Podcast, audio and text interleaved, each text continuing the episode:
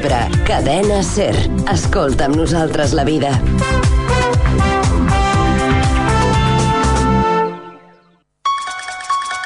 Tornat. Després de 30 anys estem novament aquí, amb vostès, amb vosaltres, amb Sèptimus. El programa que us portarà a una nova realitat, a un món que us atraparà. Misteri, fenòmens paranormals, ciències ocultes, expedients X i l'actualitat més recent de la mà de Francisco Román. Tots els diumenges, de una a dues de la tarda, tens una cita a Ràdio Mora d'Ebre, Cadena Ser. A partir d'aquest dia, ja res serà igual. Sèptimus. Escolta'ns. Ho passarem de por.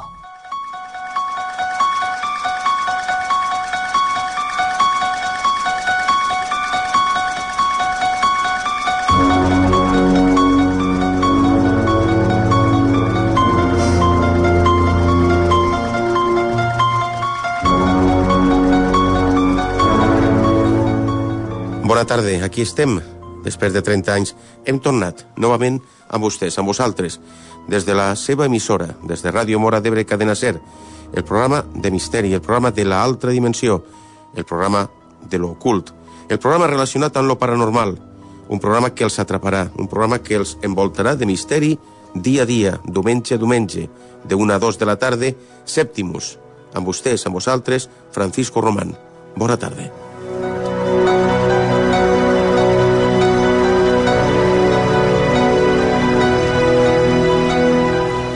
A partir d'aquest moment ja res serà igual. El misteri se adunyarà de tots nosaltres, de tots vostès. Intentarem que durant aquesta hora de programa vostès estiguin al tanto, estiguin al corrent de tot allò relacionat amb el món de lo paranormal, de l'ocult, i que sàpiguin cada dia més en este món, en el món de lo que vostès realment els interessa. Però bueno, sense més preàmbuls, anem a començar. Anem a començar amb un sentit homenatge. Aprofitant de que és la Setmana Cultural de la nostra població, de Mora d'Ebre, eh, nosaltres hem intentat buscar un motiu perquè aquest programa sigui diferent i sigui un homenatge a una persona que ha destacat en el món de la paleontologia, en el món de l'arqueologia, una persona que és el protagonista de la Setmana Cultural de Mora d'Ebre, una persona molt estimada, una persona que va fer el pregó de festes fa uns anys, una persona que ja no està entre nosaltres. Parlo de Josep Givert. En el programa Quarto Milenio, presentat pel nostre company de, del, de Cuatro i també de la cadena SER, el Iker Jiménez, eh, li, li va fer un sentit homenatge en la reflexió final del programa. Nosaltres també li fem un homenatge a Josep Givert escoltant les últimes paraules del programa que va dir Iker Jiménez. Esta noche, si me lo permiten, les voy a hablar del efecto Altamira. Y dirán muchos, hombre, no, por favor, otra vez no, porque es un clásico, un icono, ¿no? Eh, fundamental en, en, mi vida. La semana pasada les hablaba de algún tipo de experiencia que eh, realmente iluminó mi conciencia en aquel lugar y que aún busco explicación para él. Es que tiene dos caras. Y enseguida van a ver cómo se hila con la actualidad. Un lado luminoso, ese, evidentemente, y otro oscuro. Porque efecto Altamira se puede llamar una forma de reacción del público con los nuevos hallazgos. Me explico rápidamente. Esta semana, esta misma semana pasada, se ha descubierto un pequeño diente de leche. Un diente de leche en un lugar llamado Orce. Eh, se ha analizado esa minúscula porción de materia humana y resulta que eh, los análisis arrojan eh, una cifra sorprendente, cuanto menos, 1,4 millones de años. Por lo tanto, se convierte ese resto, ese niño desconocido o niña entre unos 8 y 10 años, eh, según los expertos, en el ser humano, vamos a llamarlo así, más eh, antiguo de Europa occidental. Incluso doblando en su mm, longevidad histórica a los famosos hombres y mujeres de Atapuerca. ¿Por qué esto es importante? Van a ver. Resulta que Orce es un lugar bien conocido para los amantes de la arqueología y del misterio. Resulta que en 1982, ha llovido mucho, un hombre, un hombre de esos eh, muy echados para adelante, eh, muy de nuestro país también, muy vocacionales, como todos los grandes arqueólogos que lo han sido primero de corazón, más que de carrera y de estudios. Era José Guibert, y a él quiero dedicarle estos minutos. Ya no está entre nosotros. Ese hombre en el año 82 eh, empezó a investigar en una zona dentro del municipio de Orce llamada Ventamicena. Resulta que había impresionantes testimonios fósiles, por ejemplo, de ese animal tan poderoso y tan bello que tantas veces hemos imaginado, el esmilodón o dientes de sable. Pero junto a uno de esos esmilodones, como si fuese una escena antiquísima de algún tipo de encuentro, había el resto extrañísimo de lo que parecía un niño. Era una especie de fontanela, quizá no sea exacto el término, porque era la zona más trasera del cráneo, pero sí esa zona que en los niños todavía parece reblandecida ¿no? Eh, en su cabeza. Era una cosa parecida a una galleta. Y hemos hablado de eso en cuarto milenio hace años. Gilbert tuvo la iluminación, la misma que le guiaba, ¿no? De alguna manera, en contra de todo el mundo, en aquellos secarrales abrasados por el sol de Granada, horas, días, meses investigando él prácticamente solo, convencido de que podía haber ahí un yacimiento, ahí no es poca la cosa, de los primeros seres humanos eh, de Europa. Enseguida fue a ver a un, investigador del cráneo de los niños, el médico Domené Campillo. En cuanto lo vio, no tuvo duda, yo he hablado con él varias veces, esto es un trozo de cráneo de niño. Pero claro, ese niño es el más antiguo de Europa. Y empezó un gran debate. ¿Y por qué hablo del efecto Altamira? Verán, porque todos los investigadores extranjeros de inmediato, por un lado, se quedaron entusiasmados, extasiados, pero por otro empezaron a surgir las envidias, las acusaciones. Y alguien desde el Reino Unido dijo que eso era el trozo de cráneo de un asno, de un caballo. Tanto para los investigadores que sabían del cráneo de los niños, como para los que sabían del estrato donde se había encontrado, no había duda. Pero enseguida empezó la campaña de ataque y descrédito. Les pongo un ejemplo muy gráfico. La portada de la revista El Papus era un burro, mitad hombre, mitad burro, soy el hombre de Orce. Y todos los periódicos hablando de que, casi como en un chiste, los españoles habíamos querido ir de listos y habíamos tomado una pieza eh, por lo que no era. Nadie hacía caso a los dos principales expertos que estaban convencidos con sus estudios. Este investigador, el doctor Domenico Domingo Campillo, decía, he visto cientos de cráneos de niños. Algunos tienen ciertas características. Ese es un cráneo de un niño. No me digan que no, porque yo lo sé perfectamente. Y aquello se quedó como un fraude casi. Es más, si ustedes buscan hoy cráneo de Orce, van a ver estudios donde hablan de un fraude español y otros libros igualmente prestigiosos que lo ponen como el primer ser humano de Europa Occidental. Claro, ¿qué ha ocurrido? Que no muy lejos, a unos metros de donde estaba ese cráneo, se ha encontrado el diente de leche. Otros investigadores, otras técnicas, ni más ni menos que 25 años después, más, 30 años después. Analizan el diente, ¿cuánto tiene? 1,4 millones de años. Por lo tanto, hubo niños en Orce antes que en ningún otro lugar. Hubo niños en Orce, no sabemos si chamanes o no, que tenían sus extraños ritos de caza y de misterio junto a los esmilodones.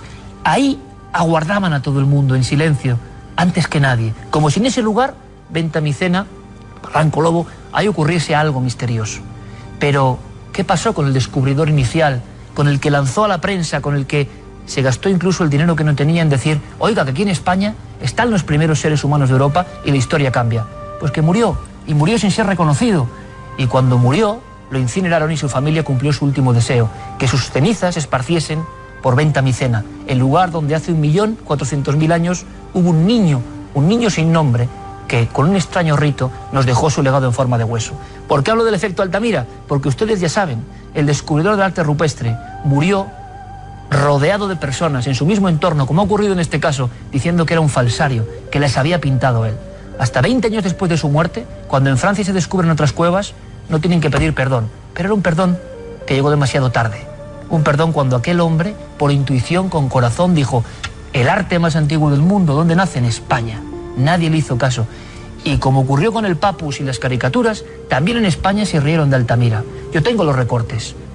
Farsante, lo han hecho los pastores del pueblo. La pregunta es por qué somos así. Si tenemos un país donde el primer arte y quizá los primeros seres humanos se establecieron o surgieron, porque no solo no sabemos vendernos a nosotros mismos, sino que hacemos estas injusticias históricas. Por lo tanto, lo entenderán, igual él también le llega este eco, quién sabe, ese hombre que hoy es ceniza y polvo sobre otro polvo mucho más antiguo, el de Venta Micena en Orce, tenía razón. Hay que contarlo, porque muchos, con el nuevo hallazgo, se frotan las manos, centros de interpretación, y nadie se acuerda del viejo investigador de corazón. Nosotros sí nos acordamos. Espero que ustedes también. Hasta dentro de siete días, amigos.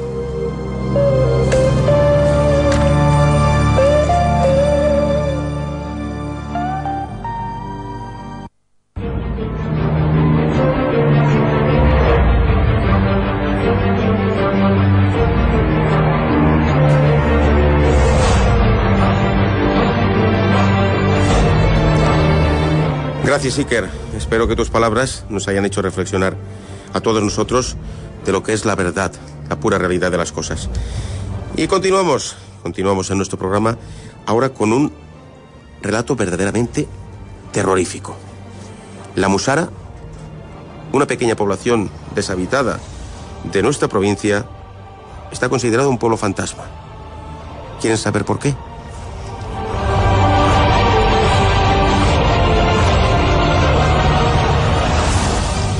En la actualidad, la Musara no es más que una aldea despoblada vestida de ruina y donde el musgo y las hierbas salvajes han cubierto el camino. De la construcción original no quedan más que despojos, una vieja iglesia y las piedras caídas de ocho casas que en su día albergaron alegrías, tristezas, amor y muerte. Ahora aparecen cubiertas por la vegetación como agujeros inútiles que despiertan la curiosidad de los osados aventureros que se atreven a profanar su silencio.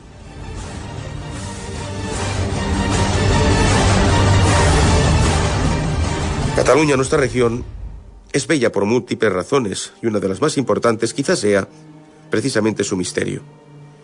Lejos de las grandes urbes, apartada de las principales arterias que atraviesan esta tierra, se encuentra uno de los enclaves más alucinantes que jamás se ha pisado.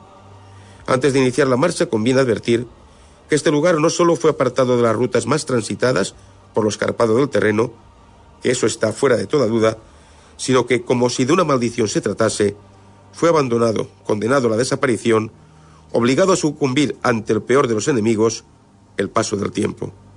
Y es que aquí, en las cumbres del Baixcamp, en las entrañas de nuestra provincia, donde se encuentra, a más de 1020 metros, el viejo pueblo de la Musara, dentro del término municipal de Vilaplana, y que él se accede desde Reus, saliendo por la Nacional 420 y a la altura de Maspujols, que está francamente cerca, y después un desvío por la comarcal T704, desde donde tan solo 21 kilómetros de extensión nos separan de nuestro destino. Pero menudo destino.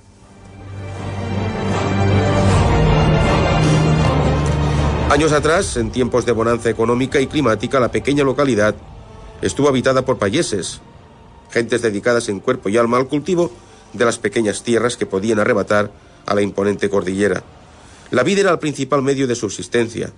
Así pues, la epidemia de filoxera, enfermedad que ataca directamente a la raíz de la planta, que asoló todo el territorio catalán a finales del siglo XIX, hizo especial daño en los parajes más alejados de las grandes urbes, lugares estos en los que la cosecha se convertía en una moneda de cambio. La construcción a mediados de nuestro siglo de la, de la carretera que encuentra su fin en la localidad contribuyó a que la decadencia de la vida en la montaña se consumara definitivamente. La llegada de la civilización a través del sinuoso asfalto generó una emigración que finalmente concluyó en 1956, año en el que la Musara quedó completamente abandonada. A partir de esos momentos, comenzó a tejerse una leyenda de misterio en torno al lugar que ha perdurado hasta nuestros días. Pero, ¿qué hay de realidad en todo ello? Los antiguos pobladores de las alquerías que se reparten por la zona ya dejaban entrever en piezas básicas de su folclore que algo fuera de lo normal rondaba por las callejas del enigmático enclave. Así podemos encontrar en las letras de las cantarelas, coplillas calificadas por antropólogos e historiadores como muy descriptivas y significativas, claras referencias del rechazo que sentían hacia los vecinos de la Musara.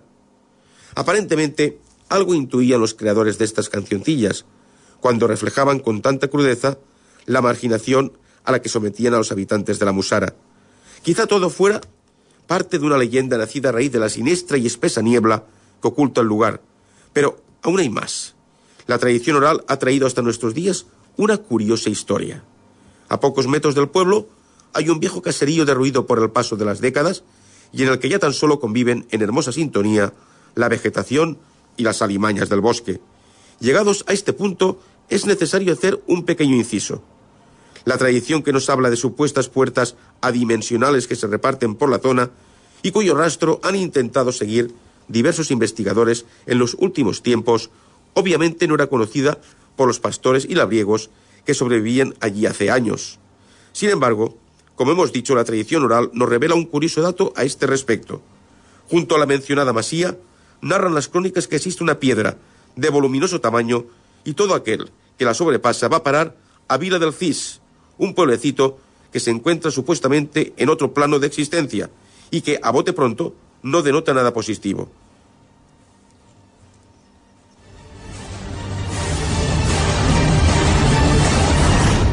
Resulta difícil explicar las sensaciones que el viajero puede captar cuando escarba en los rincones del asentamiento tan peculiar.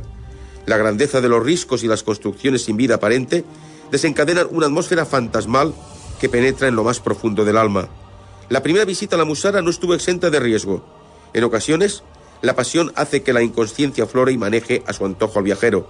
Es importante reseñar que el pueblo se encuentra dentro de una zona militar a la que no está, al menos en apariencia, permitido el acceso, y es un aviso para despistados. En este peregrinar por la comarca, un grupo de valientes llevaron a cabo una pequeña incursión en el monte, alejándose unos 200 metros de la vieja carretera, con la sana intención de fotografiar el majestuoso paisaje que ofrece el lugar. No hubo tiempo ni ganas.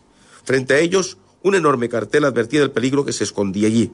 Se trataba de un campo de prácticas en el que existía el riesgo de que en cualquier momento un proyectil se abalanzara sobre las desprotegidas cabezas de los que allí iban. Además, la guinda estaba situada bajo sus pies, ya que se encontraban paseando por un campo antaño minado. Hasta aquí la anécdota. En la actualidad, el único edificio que mantiene su estructura primigenia es la iglesia, un lugar que milagrosamente ha permanecido en pie a pesar del ataque agresivo del gélido clima montañés y de la intervención de vándalos que han quemado parte de la misma. Ana López, reconocida estudiosa de Tarragona, puso sobre la pista de algo que ya intuían. La posición privilegiada del lugar lo convierte en un apetecible plato para grupos de personas que desde tiempos ancestrales hasta nuestros días realizan prácticas mágicas e incluso rituales de carácter satánico. No es menos curioso observar el número de agrupaciones sectarias de traza supuestamente hinduista algunas y de filosofía desconocida otras que se reparten por la zona. Los restos que se hallan no pasan de ser unos cirios de color morado, situados en posiciones estratégicas en el interior de una minúscula fortaleza que se encuentra en el punto más alto de la Musara y que se asoma a un profundo precipicio. Pese a ello, investigadores como la mencionada Ana López o Carlos Estaller dan fe de la realidad de estas prácticas. Es importante recordar al viajero el sugerente nombre de Villa del Seis, un número que despierta ciertas reminiscencias diabólicas. No obstante, seguro que no es un dato relevante.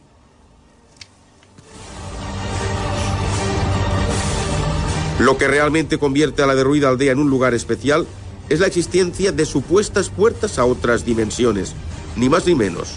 Sobre ello, la única referencia que existía era la misteriosa desaparición en el año 1995 de un ingeniero alemán que trabajaba en la central nuclear de la Isó y que circulando por los peligrosos caminos que rodean la población, desapareció por espacio de tres horas, reapareciendo en un lugar desconocido para él, sin saber qué había pasado. Carlos Estaller, joven investigador que conoce la zona a la perfección, sufrió por las mismas fechas un episodio similar en compañía de su prima Rosa. Así lo contaba. Íbamos una tarde a la Musara, mi prima Rosa y yo, y te aseguro que aquello fue como una película de terror. Pasamos mucho miedo. La verdad es que esas montañas ceniza impresionan mucho, con un atardecer tan sombrío como había aquel día. Pero vamos, que estuvimos perdidos por los castillejos una hora con el coche. Íbamos por las curvas para arriba, para abajo. A la pregunta de si consideraba normal el suceso, tras emitir un profundo suspiro, Carlos respondió entre comillas. Hay que aclarar que en el paraje de los castillejos se encuentra el cuartel militar del mismo nombre, en cuyo interior también se asegura han acontecido fenómenos extraños. Dos jóvenes que realizaron el servicio militar en el mismo nos confirmaron que son muchos los compañeros que haciendo la guardia durante el mes de febrero habían observado el supuesto fantasma de un sargento que falleció hace años y que peregrinaba ajeno a los asustados testigos que observan su lúgubre paseo. Pero no nos salgamos del tema, que nuestro periplo aún da para más. En la Musara aún aguardaba un importante caso sin resolver. Sería demasiado largo de narrar el acceso a esta información, casi inverosímil, así que me ceñiré al caso. En la barriada de Camclá, en el extrarradio de Tarragona, trabajaba Enrique Martínez Ortiz, un joven de 37 años que regentaba el bar Escorial. Transcurría el mes de octubre de 1991 y nuestro protagonista había iniciado las obras de remodelación del local. El negocio no iba mal y muestra de ello era el vehículo que pocos días antes había adquirido. El miércoles 16, aprovechando que esa jornada descansaban, Enrique decidió, como en tantas otras ocasiones, salir junto a tres amigos a buscar espárragos y níscalos. El lugar idóneo para ello era la Musara, un enclave que conocía a la perfección. Jamás regresó.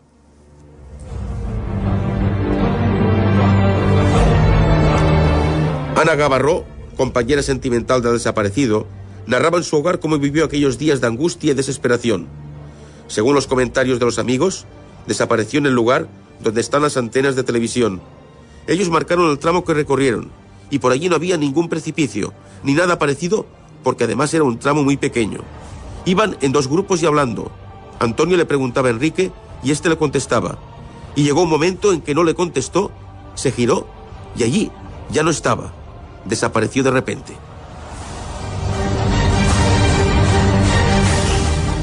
Se hizo una batida impresionante. La misma noche ya subió mucha gente de los pueblos de alrededor y al día siguiente escaladores y gente un poco más preparada que trajeron perros de Barcelona y detectores térmicos, pero nada. Al tercer o cuarto día, el gobernador civil de Tarragona, Ramón Sánchez, dio la orden a unos 200 soldados de los castillejos y se barrió completamente la zona. Enrique ya había subido por allí otras veces y tenía por costumbre ir por los mismos sitios, o sea, que conocía bien la zona. Los primeros resultados fueron descorazonadores. Los perros perdían cualquier tipo de rastro. Los avanzados aparatos técnicos no detectaban nada y los preparados equipos de búsqueda no llegaban a ningún lado. Al principio, continuaba Ana, no les extrañó a los amigos porque pensaron que a lo mejor se había ido por otro lado, aunque les pareció un poco raro que no les avisara. Pero como habían quedado a las dos para comer junto al coche y no regresaba, empezaron a preocuparse. Luego vinieron videntes, cada uno con su versión, que si fue absorbido, que si extraterrestres, qué sé yo. Lo que sí sé es que él no se fue queriendo. No tenía ningún problema que yo sepa con la gente del barrio. Era una persona muy maja que ayudaba a quien hiciera falta, y a nivel de pareja tampoco. Aparte, si hubiera dicho de irse, se habría llevado algo. Es que desapareció con lo puesto, un chándal, ni dinero ni nada. Tenía un coche que se había comprado hacía cuatro días y estaba arreglando el bar. Yo creo que nadie se va en tales condiciones. La persona que acompañaba a Enrique estuvo en tratamiento psiquiátrico después de aquello. La única prueba que se encontró de su presencia en el lugar fue el cubo que portaba para guardar los níscalos, en un lugar el que no, no, existía cima alguna en la que hubiera podido caer. Además, de haber sucedido esto, la proximidad a su acompañante habría hecho que oyera algún grito o petición de ayuda. El lugar donde fue hallado el objeto fue peinado varias decenas de kilómetros a la redonda, y una vez más, nada de nada. Además, es que la salida se planeó el día anterior de noche, cuando cerrábamos el bar. Santiago y Jordi vinieron a proponer salir a buscar los níscalos. Vamos, que no tuvo tiempo para planear una escapada porque tampoco tenía motivo. Alguien que se va no se deja las llaves del coche, el dinero y el bicarbonato que tomaba cada día para el estómago. Incluso sufría de las piernas que se le inflamaban enseguida y no se hubiera atrevido a meterse por zona de mucho bosque. Han pasado casi 20 años desde entonces y pese a los esfuerzos de civiles y militares y cuerpos de seguridad, no se ha vuelto a saber nada de Enrique. Desapareció en la Musara el 16 de octubre de 1991, con lo puesto y muy cerca, quizá demasiado cerca de la masía en que se encuentra la piedra, esa que según las crónicas es la puerta de acceso a Villa del Seis. Pero no se alarmen. El paisaje y su historia bien merecen la pena. Además, ya se ha acudido en diversas ocasiones y nunca ha saltado la piedra de la masía.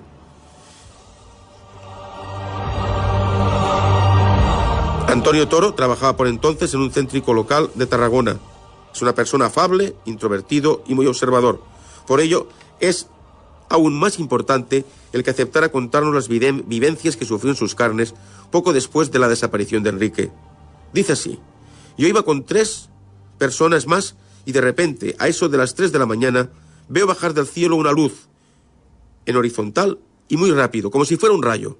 Como esas carreteras comarcales no están iluminadas y había una niebla azulada, puse las largas y de repente, en la parte derecha de la cuneta, me dijo mi amigo, mira, mira, mira.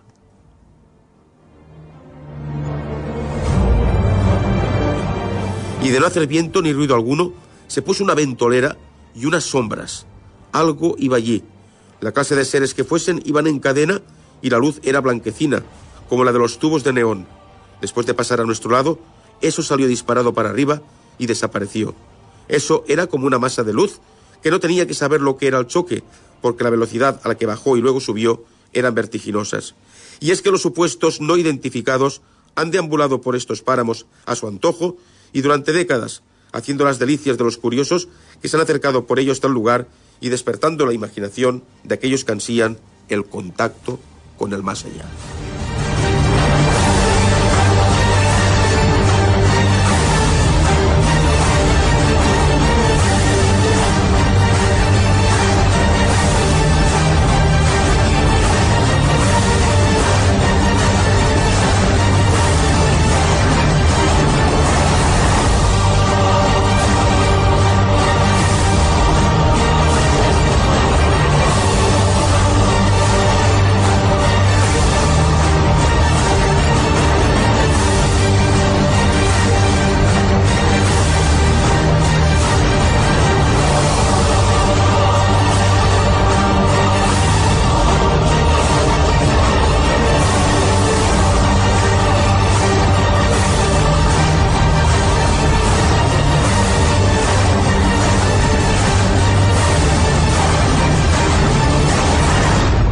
Ràdio Mora d'Ebre, cadena Ser. Escolta amb nosaltres la vida. Cadena Ser.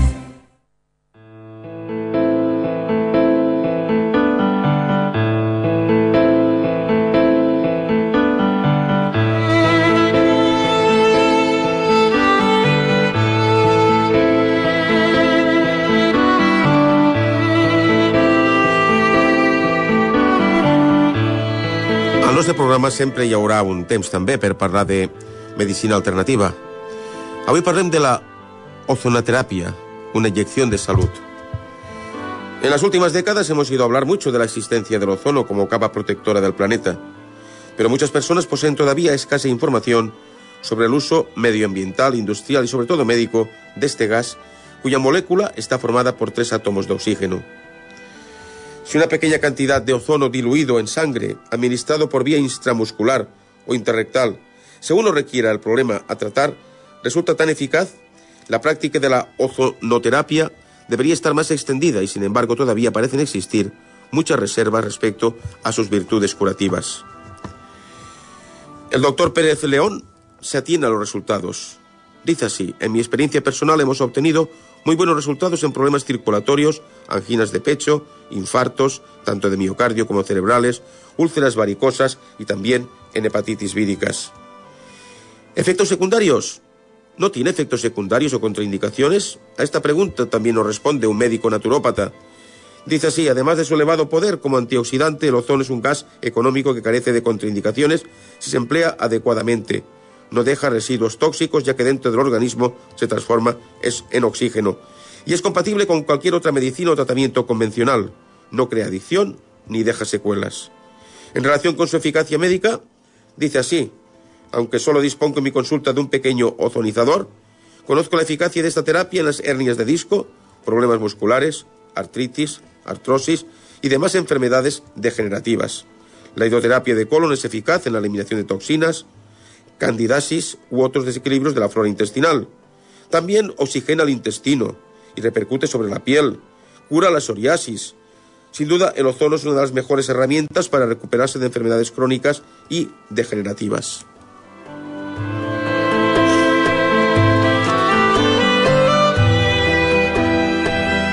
En los estudios realizados con diferentes grupos de control experimental y con diferentes patologías, se han obtenido unos resultados satisfactorios con una media de recuperación superior al 75% de los enfermos.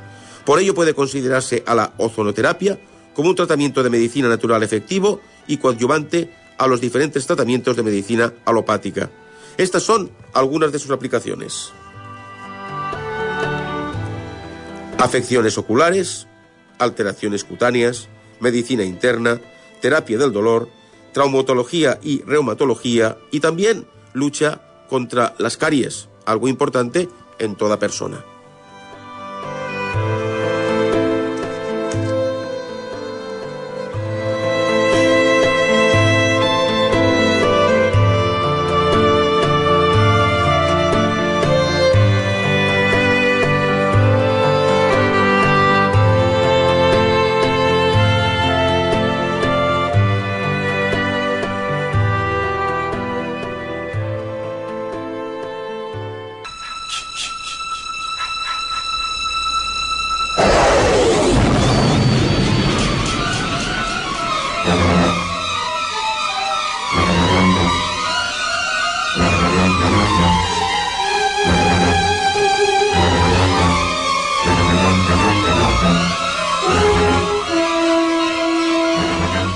Apartado dentro de nuestro programa, el referente a los enigmas pendientes, los expedientes X españoles.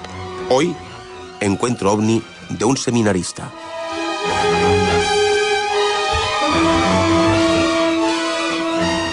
Había sido una jornada muy larga para el joven seminarista Javier Bosque. Los días estaban siendo muy duros en el seminario de Escolapios de Logroño. Horas de concentración y estudio eran el pan nuestro de cada día.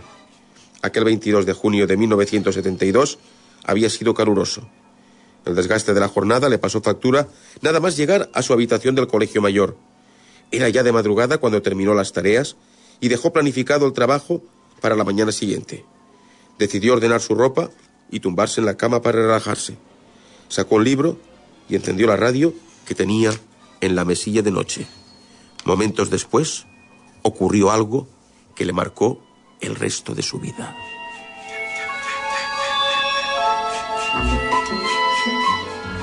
Las puertas de su ventana se abrieron súbitamente.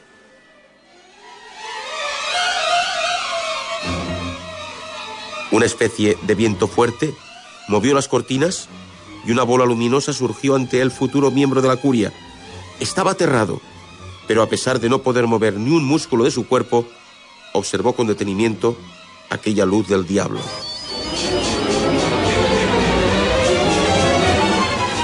Era, recordó posteriormente investigadores y periodistas, un extraño artefacto de brillo metálico parecido al aluminio, de forma ovoide, tamaño aproximado 30 por 40 centímetros y que despedía gran luminosidad. Se introdujo por la ventana de, mi habitación, que se encontraba entreabierta, mientras estaba acostado leyendo un libro y con la radio puesta. Tras superar el impacto inicial, contempló como aquello parecía rastrear toda la estancia. Parecía escrutar cada rincón del cuarto.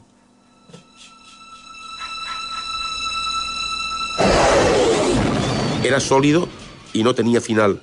Además, avanzaba siempre en posición recta y se contraía. El rayo se dirigió al aparato de radio y lo movió. Seguidamente rozó el micrófono y los cables para después retroceder. Avanzó unos dos metros, distanciándose del artefacto y finalmente retrocedió hasta desaparecer por completo. Después, permaneció el objeto en la misma posición que en un principio y comenzó a oírse un fuerte pitido de radio. Entonces ascendió el artefacto oyéndose una serie de cambios de tonos. Después se debilitó la señal y el artefacto se marchó. Una vez en mi habitación, se paró dos metros el suelo. El magnetófono lo tenía junto a mí con la intención de grabar un programa de radio y estaba desconectado. El artefacto no emitía ninguna clase de ruido, pero por el aparato se escuchaba una tonalidad extraña. Entonces intenté grabar precisamente ese sonido y sacando la mano izquierda de las mantas puse en funcionamiento el magnetófono. Al cabo de unos segundos, el objeto descendió hasta una altura aproximada de 20 centímetros del suelo y se quedó inmóvil.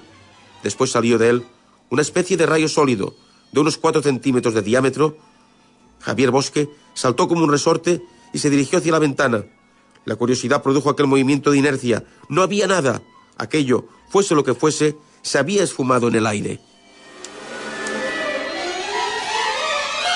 Tras cerrar la ventana, se giró y su mirada fue de forma inconsciente sobre la mesilla de noche que estaba pegada a la cama. Su atención se dirigió a la pequeña grabadora que descansaba sobre el mantel color café. Quería saber si aquel sonido habría quedado registrado como prueba de la visión imposible. Dudó por un instante. Apretó el botón de arranque. Un sonido agudo, irritable en algunos momentos, se escuchaba. Ahí estaba, una resonancia de otra realidad, el timbre de otro mundo. A las pocas horas la cinta fue dispuesta en manos del técnico de Radio Rioja y profesor de electrónica en la Escuela de Maestría Industrial de Logroño, Eduardo Romero. Cuando analizó la cinta dictaminó que no había fraude. No se trataba de ningún engaño musical o truco acústico. Para ello hizo una comparativa con osciloscopio de doble vía. Las frecuencias del sonido iban desde los 1000 a los 4000 hercios y no pudieron ser duplicadas con exactitud. La verdad es que cuando me contaron la historia, afirmó Eduardo Romero, me quedé perplejo. Al día siguiente de que ocurrieran los hechos, se me presentó el muchacho con el magnetófono debajo del brazo para que analizara la grabación. Bajamos a la sala para observar con el oscilógrafo los tonos y notas que estaban registrados. Lo que no quedó grabado en el magnetófono fueron esas notas de alta frecuencia que oyó el muchacho en el momento en que penetraba el artefacto en la habitación. Las primeras reticencias fueron claras por el especialista. Creía estar ante una broma. Las notas podían ser de un dispositivo de gobierno manejado a distancia. Lo registrado en cinta no era la verdadera señal, sino una señal de campo magnético. Era un armónico de la señal que cualquier receptor, a su vez, genera al propio dispositivo y crea un campo de perturbación. La señal fue generada por cercanía de su objeto. Creí que se trataba de una falsificación de no ser porque al final la nota se perdía cuando se alejaba el supuesto artefacto. Desde el momento en que éste estuviera gobernado, no tenía por qué variar, sino permanecer estable. Las señales registradas en cinta son claras y perfectamente definidas con una frecuencia de 860 ciclos. Creo que el supuesto objeto tenía unos dispositivos electrónicos muy primitivos, pues creaba distorsión. Otra de mis dudas radica en que en un momento de la grabación hay un desglosamiento de frecuencia, dos notas más bajas que aparecen después de pasar por toda una escala de frecuencia. A esto se le denomina desdoblamiento de frecuencia. Es como si alguien hubiera movido el interruptor. Lo más inverosímil desde mi punto de vista es el brazo de una luz sólida que mueve las cosas cuando las toca. Eso no tiene explicación científica, porque se oye claramente en cinta cuando se mueve el micrófono y la radio. Las preguntas que plantearon los reporteros de los rotativos riojanos fueron concretas y mordaces. Si realmente aquello era un artefacto de otro mundo, ¿podría haber dejado alguna huella de radioactividad? Sí, detalló Enrique Ramos. A consecuencia de que el rayo pudo haberla, pero cree que no hay huellas de radioactividad. El Servicio Civil se está encargando de las investigaciones.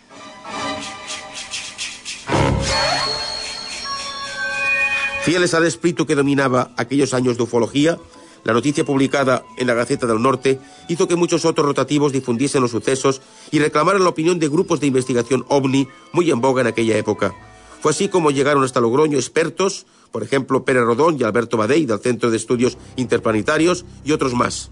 Recapitularon testimonios, datos, todo tipo de circunstancias y sus conclusiones preliminares fueron enviadas a instituciones oficiales y difundidas en una conferencia pública.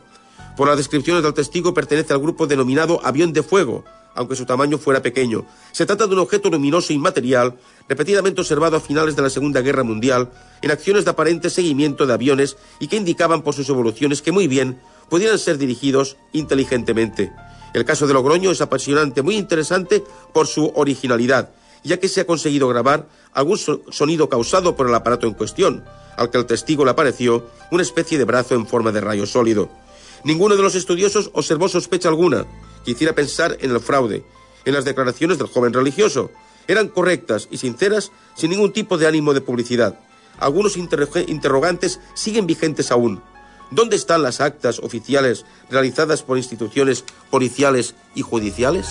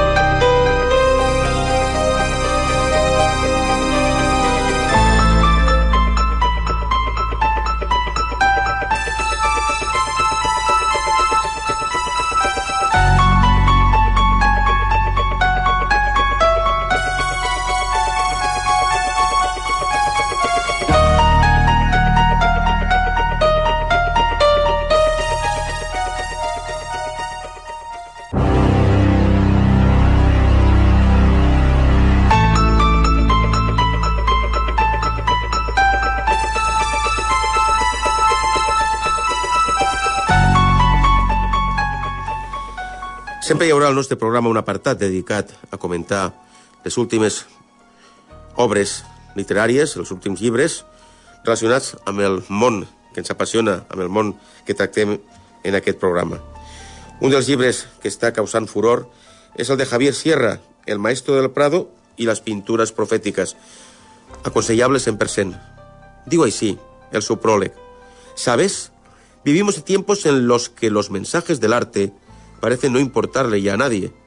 Nos han hecho creer que lo único que interesa de este es su aspecto formal, estético, los pigmentos o las técnicas empleadas e incluso la biografía o las circunstancias personales del artista. Todo antes que preguntarnos por la razón exacta que llevó a la ejecución de una obra como esta. Desde esa visión materialista del arte, prestar atención al mensaje equivale a adentrarse en lo especulativo, en lo inmaterial. Pero no es así. En realidad, es centrarse en el lado espiritual de la pintura, en su quinta esencia. Sin embargo, sí, sin embargo, para acceder a ella hay que contemplarla con mirada humilde. A fin de cuentas, lo milagroso, y este arte, como explicaré, lo es, solo resulta plenamente accesible a las mentes sencillas. Los que se empecinan en llenar su cabeza de datos y verdades grandilocuentes olvidan lo fundamental, que este arte funciona solo cuando maravilla.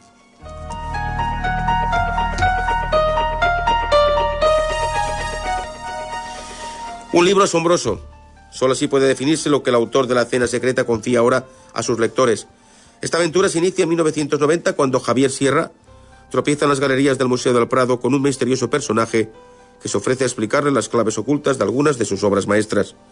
Visiones místicas, anuncios proféticos, conspiraciones, herejías y hasta mensajes que parecen llegados del otro lado inspiraron a maestros como Rafael, Tiziano, El Bosco, Juan de Juanes, Botticelli, Bruegel o el Greco.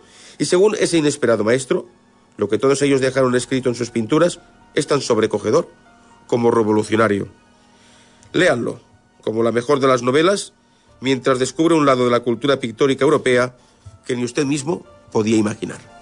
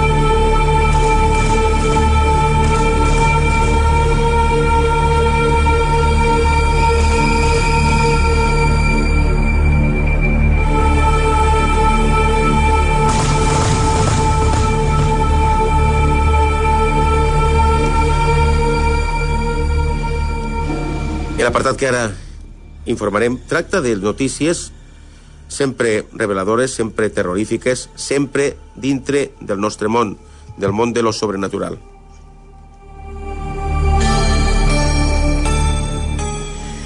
La ciudad de Quebec, en Canadá, ha vivido con asombro la extraña lluvia de aves que se ha producido recientemente en sus calles. Los residentes de la zona de Limou describieron la escena como si de una película de terror de Hitchcock se tratara.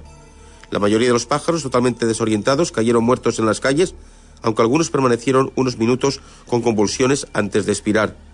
En un primer momento se pensó que el fenómeno había sido provocado por una fuga de gas, pero según las investigaciones realizadas por la policía, el desencadenante fue una sustancia que se utiliza para ahuyentar a las palomas y que resultó ser letal para otras especies de aves.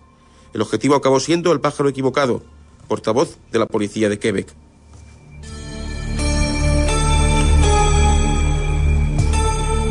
Una extraña criatura ha sido encontrada en la costa de la isla de Sakhalin, Rusia. Los restos de este raro animal, del que aún se ignora a qué especie pertenece, fueron hallados por un grupo de soldados rusos. Por sus huesos y su dentadura, los expertos han descartado que se trata de un pez, y también de un cocodrilo o un lagarto gigante, dada la forma de su esqueleto. El animal posee una extraña piel recubierta de pelaje. En la actualidad sus restos están siendo estudiados por un grupo especial de investigadores. Antes de que los soldados llegasen al lugar en el que se encontraba, varias personas se acercaron a tomar fotos que son las que han visto la luz.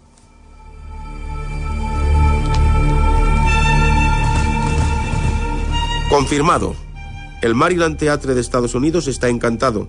Al menos ese es el resultado de la investigación que ha realizado en el recinto un equipo de estudiosos de la Mason Dixon Paranormal Society.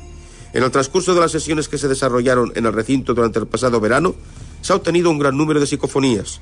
El grupo centró sus experimentos en los puntos calientes del teatro, que según afirman los directivos y los trabajadores del mismo, son la sala de calderas, uno de los anfiteatros y diferentes estancias en las que habitualmente se escuchan sonidos inexplicables.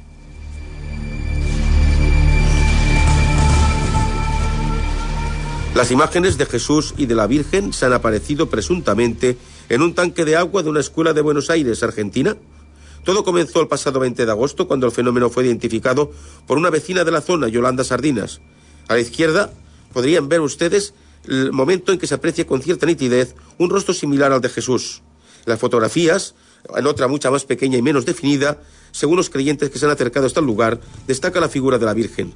Días después del hallazgo, el lugar se ha convertido en un auténtico santuario lleno de fieles convencidos del milagro.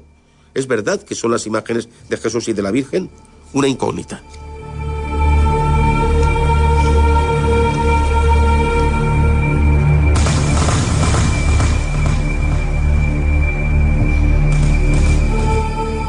El actor Matt Damon encarnará seguramente al controvertido Bob Lazar en una película sobre la vida de este físico que asegura haber trabajado en el S-4, una zona de la base secreta estadounidense conocida como Área 51. La compañía Kurmudehon Films ha comprado los derechos de esta historia y el director Kenneth Jackel ya está adaptando las entrevistas que realizará Lazar con el periodista de investigación estadounidense. El filme se titulará probablemente S4, la increíble historia de Bob Lazar. Una historia realmente trata de abducciones reales. Será un, uno de los próximos temas a tratar en nuestros programas.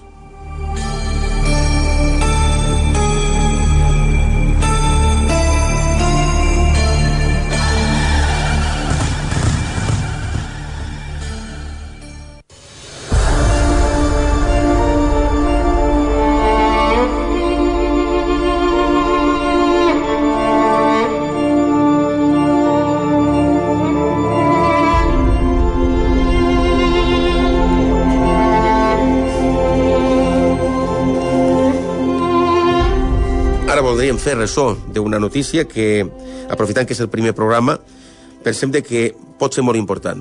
No sé si se'n recorden vostès, els que fa 30 anys m'escoltaven, que vam realitzar una alerta OVNI, una missió objectiu OVNI, que va tindre un èxit sense precedents aquí en la comarca de la Ribera d'Ebre. Bé, anem a preparar la segona alerta OVNI després de 30 anys. La segona alerta OVNI que tenim intenció de fer-la molt aviat. Eh?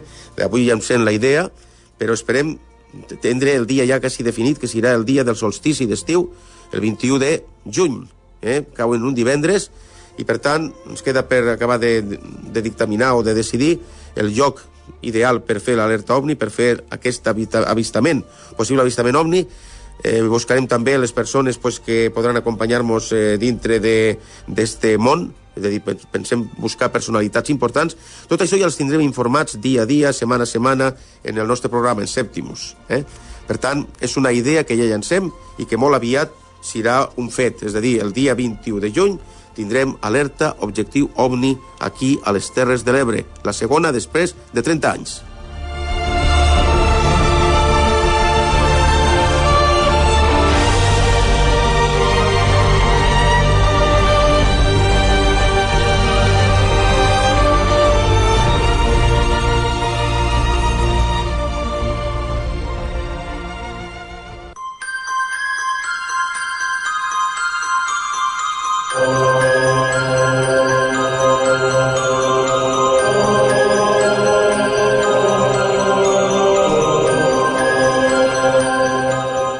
Hace 30 años finalizábamos el programa con una historia para no dormir.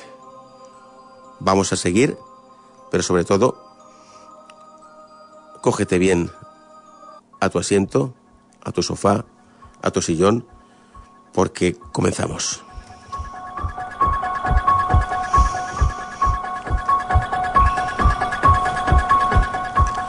No respires. Relájate.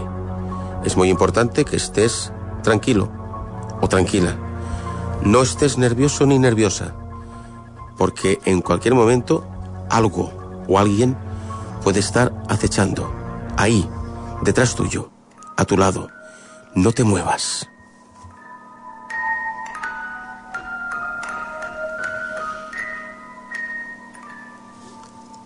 Por muy tranquilo que pueda parecer la situación en que estás, se puede complicar en cualquier momento. Escucha atentamente. Mira a tu alrededor. No ves nada, pero sí estás oyendo algo.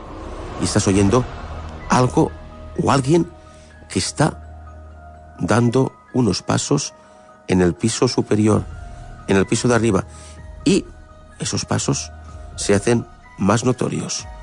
Bajan las escaleras, se acercan a ti, y tú en este momento comienzas a tener miedo.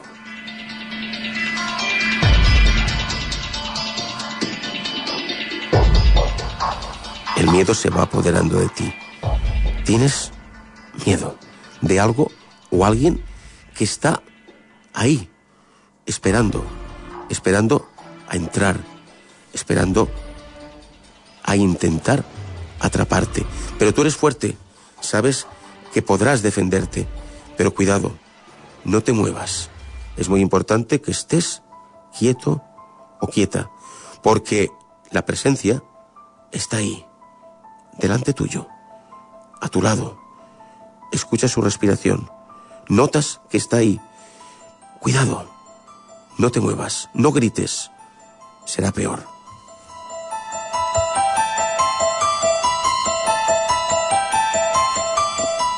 Por momentos, tu garganta notas que tienes un nudo que te impide prácticamente respirar.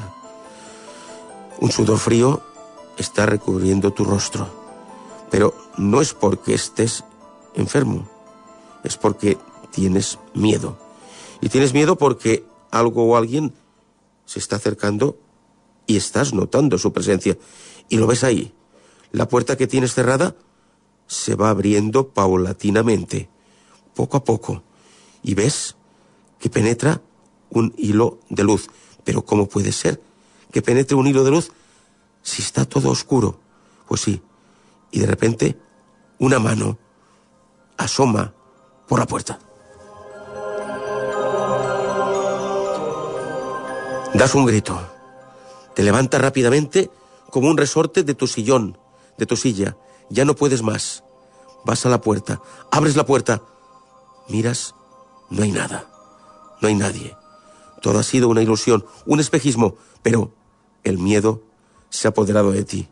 Ha sido un sueño, un sueño del que verdaderamente has, has despertado y has despertado bien, porque todo ha sido fruto de tu imaginación. Amigos, amics, gràcies per escoltar-nos, gràcies per estar aquí, gràcies per tindremos la confiança de tornar amb vosaltres, amb vostès, i, bueno, si voleu seguir a nosaltres, la setmana que ve, el diumenge, aquí estarem, en la vostra emissora amiga, Ràdio Mora de Breca de Nacer, amb el vostre programa Sèptimus, amb la mà de Francisco Román i amb la mà de l'Eduard Pino, que m'ha acompanyat com a tècnic de so, al que li dono també moltes gràcies.